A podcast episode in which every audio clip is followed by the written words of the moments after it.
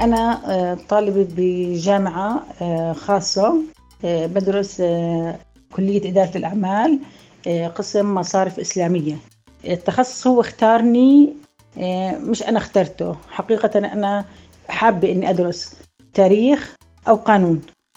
الحمد لله التخصص اللي أنا فيه كثير حلو. بجمع بين أكثر من تخصص محاسبة قانون وشريعة. شامل حلو التخصص اللي أنا فيه حبيته من أول فصل وإن شاء الله راح أكمل عليه ماجستير شو اللي ممكن يخلي هالكلمات قصة مهمة وملهمة؟ ليش ممكن تكون دراسة البكالوريوس والحلم بالماجستير موضوع مميز؟ كم يوم أو سنة بعد ما تنجح الصبية في امتحانات الثانوية العامة المفروض تنتظر لتحقق حلمها في الدراسة الجامعية؟ درست توجيهي وما كملت دراستي بالجامعة آه، بسبب إنه أنا من عائلة ما بتحب البنات آه، يدرسوا بجامعات مختلطة. أهلا فيكم في بودكاست قصة قصيرة. ياسمين قررت في عمر ال 48 إنه تلتحق في الجامعة لتكمل دراستها. القرار أخذته متأخرة 30 سنة عن حلمها. اللي وقفته تقاليد ما كان يهمها شغف وحب الصبية في التعلم. كبرت ياسمين وكبر الحلم معها ومرت خلال الثلاثين سنة في كتير من التجارب اللي وصلتها اليوم لمكانة مهمة في مجتمعها. بعد توجيهي وقعدت بالبيت آه، حسيت آه، بشعور كثير قاسي. حسيت بنقص حسيت برغبة عارمة إني أتمرد.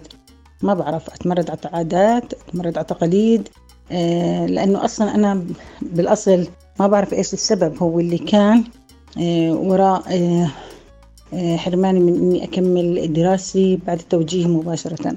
والتوجيهي هو امتحان الثانوية العامة واللي بيعتبر مفصلي بحياة الطالب التعليمية لأنه بينقله من مرحلة لمرحلة تانية. ورغم أنه نسبة النساء اللي بيلتحقوا وبتخرجوا من الجامعات في الأردن أعلى من الذكور إلا أنه ياسمين ما حصلت على هذا الأمر بسهولة. فهي استنت كل هالعمر لصاروا بنات إخوانها وأخواتها في الجامعات وصار محيطها يتقبل وجودها في مجتمع مختلط. بلشت آه، أمارس آه، هواية الدراسة إني كنت أدرس أولاد إخواني وأولاد خواتي اللي بالصفوف الأولى بالمدرسة. بعدين كان في إشي حلو إنه كانوا آه، يطلبوا منهم أبحاث فأنا بعشق القراءة كثير. في سنة من السنوات قرأت ما يقارب 360 كتاب مختلف علمي ثقافي اجتماعي. ما خليت قرأت كل شيء قرأت روايات. فبسبب وجود أبحاث مطلوبة من طلاب المدارس وأنا عندي شغف القراءة كنت أروح على المكتبة العامة البلدية أستعير منها كتب. يمكن هذا المكان الوحيد اللي أنا بهاي الفترة كنت أطلع فيه من البيت وأمارس إشي أنا بحبه.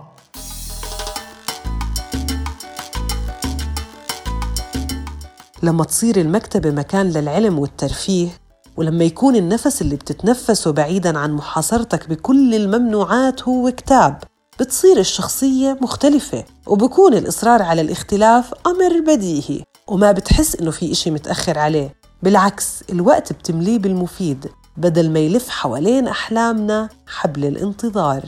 بعد ما أخذت تدريبات كثير وتعرفت على ناس كثير سيدات متعلمات سيدات عندهم طموح سيدات مكافحات حسيت إنه أنا بقدر أعمل إشي كبير.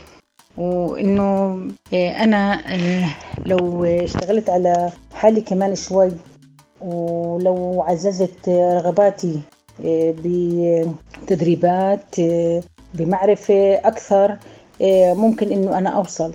فمع التشجيع فكرت إني أترشح للانتخابات.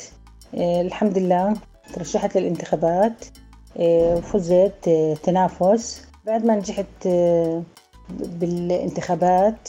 حسيت إنه ممكن إنه أنا برضو أعمل إشي أكثر. الإشي الأكثر اللي بدي أعمله إنه ممكن إني أترشح نيابة. ليش ما أكون وزير؟ آه، بس أنا ما معي شهادة. فكرت جديا إنه لازم إنه أنا طموحي إني أكمل دراسة آه، لازم أبدأ فيه. بدأت مشوار التسجيل بالجامعة. ما بقدر أوصف شعوري أول أول يوم كان إلي بالجامعة خصوصا أول يوم لما رحت سجلت وأخذت بطاقة الطالب وصرت فعليا طالب رسمي بالجامعة إيه، شعور لا يوصف حقيقة. فعليا حسيت إنه العلم لا يقف عند عمر معين.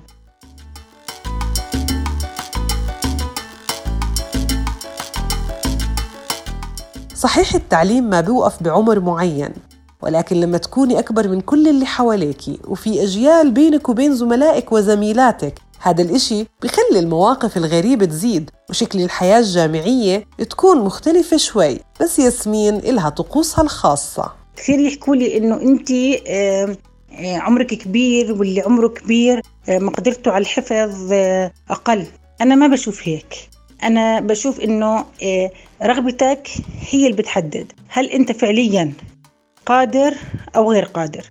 الحمد لله تقديري بالجامعة رغم انشغالاتي وظروف كثير مرت معي أثناء الدراسة مثل مرض والدتي وإني أروح الامتحان من المستشفى للجامعة أقدم الامتحان الحمد لله تقديري جيد جدا.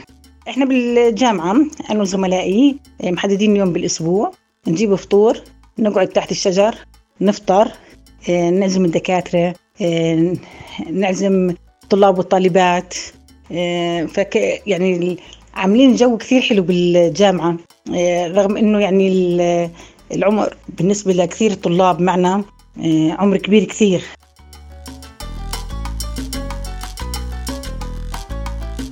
كثير من المجتمعات بتحط حدود للطموحات بتوقف بوجهها وبتحكي هون ممنوع.